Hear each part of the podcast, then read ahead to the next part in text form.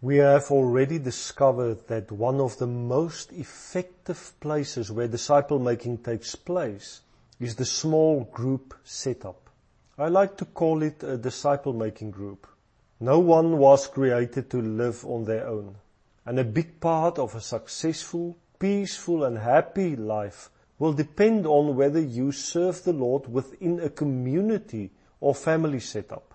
As we have said previously, Humans are meant for relationship, and relationship can only be restored within the space of relationships. Previously, we discussed the four essential elements necessary for making disciples, the pillars on which it is built. Making disciples will not and cannot take place without that.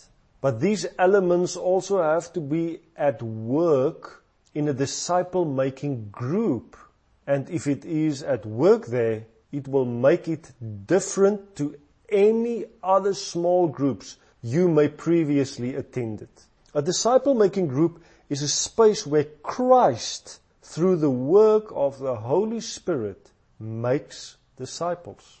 The substance of that space should be the same as described in 1 Corinthians 14 verse 26. That should be the ultimate goal to which the group should aspire. When the group functions smoothly, it will end up in 1 Corinthians 14 verse 26, which reads, What then shall we say, brothers, when you come together? Everyone has a hymn or a word of instruction a revelation, a tongue, or an interpretation. All of these must be done for the strengthening of the church. Making disciples happen when every part of the body functions inside regular meetings of the disciple making groups.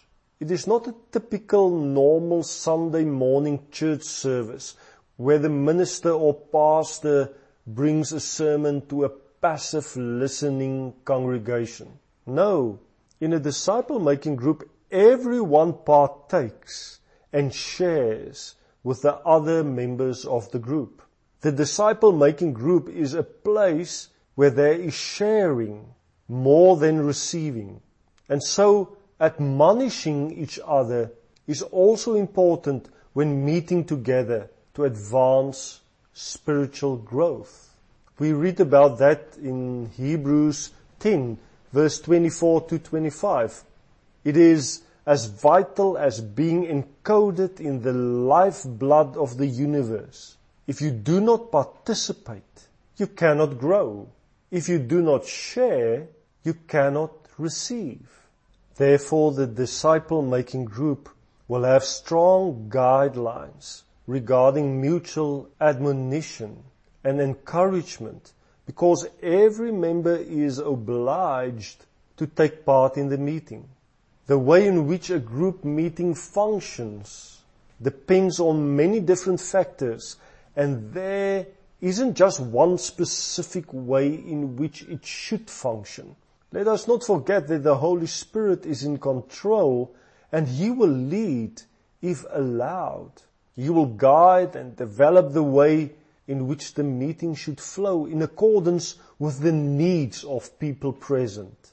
Even so, the facilitator should also see to it that the essential elements are not neglected.